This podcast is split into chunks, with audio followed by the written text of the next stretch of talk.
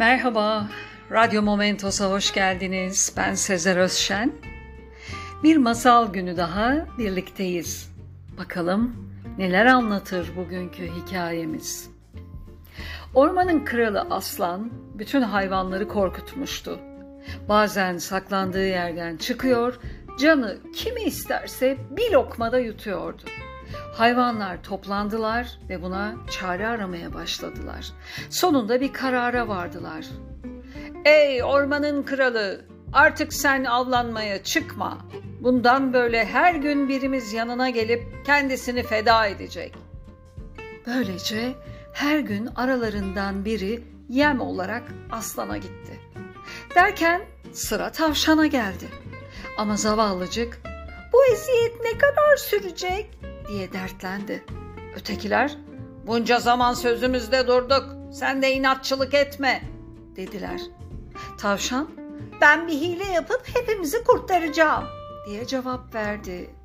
Hayvanlar öfkelendi. Küçücük bir tavşan olduğunu unutma ve haddini aşma. Tavşan merak etmeyin dedi. Siz beni küçümsüyorsunuz ama arıda olan başarı kimde var? İpek böceğinin yaptığını kim yapar? Tavşan bir süre aslanın yanına gitmedi, onu bekletti. Bir zaman sonra yanına vardı. Aslan çok kızgındı. Sen kim oluyorsun da beni bekletiyorsun? Efendim, bağışlayın beni. Hele bir dinleyin başıma gelenleri. Ben evden yola çıkmış arkadaşımla beraber huzurunuza geliyordum. Yolda önümüze çıkan bir aslan arkadaşıma saldırdı. Ben de ona biz ormanlar kralının kullarıyız bize dokunma dedim. Fakat bu defada o da kimmiş hem size hem de padişahınıza parçalarım dedi.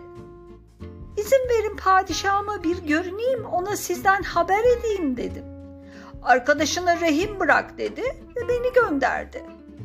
Bunları duyunca iyice çileden çıkan aslan gidelim diye kükredi.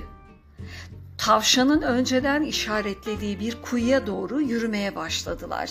Kuyunun yanına gelince tavşan işte burada dedi. Aslan korkma yanıma gel diye kükredi.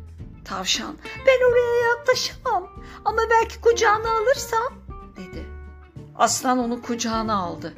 Kuyuya baktıklarında su içinde aslanın ve tavşanın aksi yansıdı. Aslan düşmanını ve kucağındaki tavşanı görünce hemen kuyuya atladı. Kazdığı kuyuya kendisi düşmüştü. Tavşan müjdeyi vermek üzere arkadaşlarının yanına döndü. Durumu öğrenen hayvanlar etrafını sardılar. Anlat bakalım nasıl başardın? Tavşan cevap verdi. Allah'ın verdiği aklı kullandım. Yoksa tavşan da kim ola? Mesnevi'den bir hikayeydi anlatılan. Hepimize ders ola. Dinlediğiniz için teşekkürler. Hoşça kalın. Momentos'la kalın.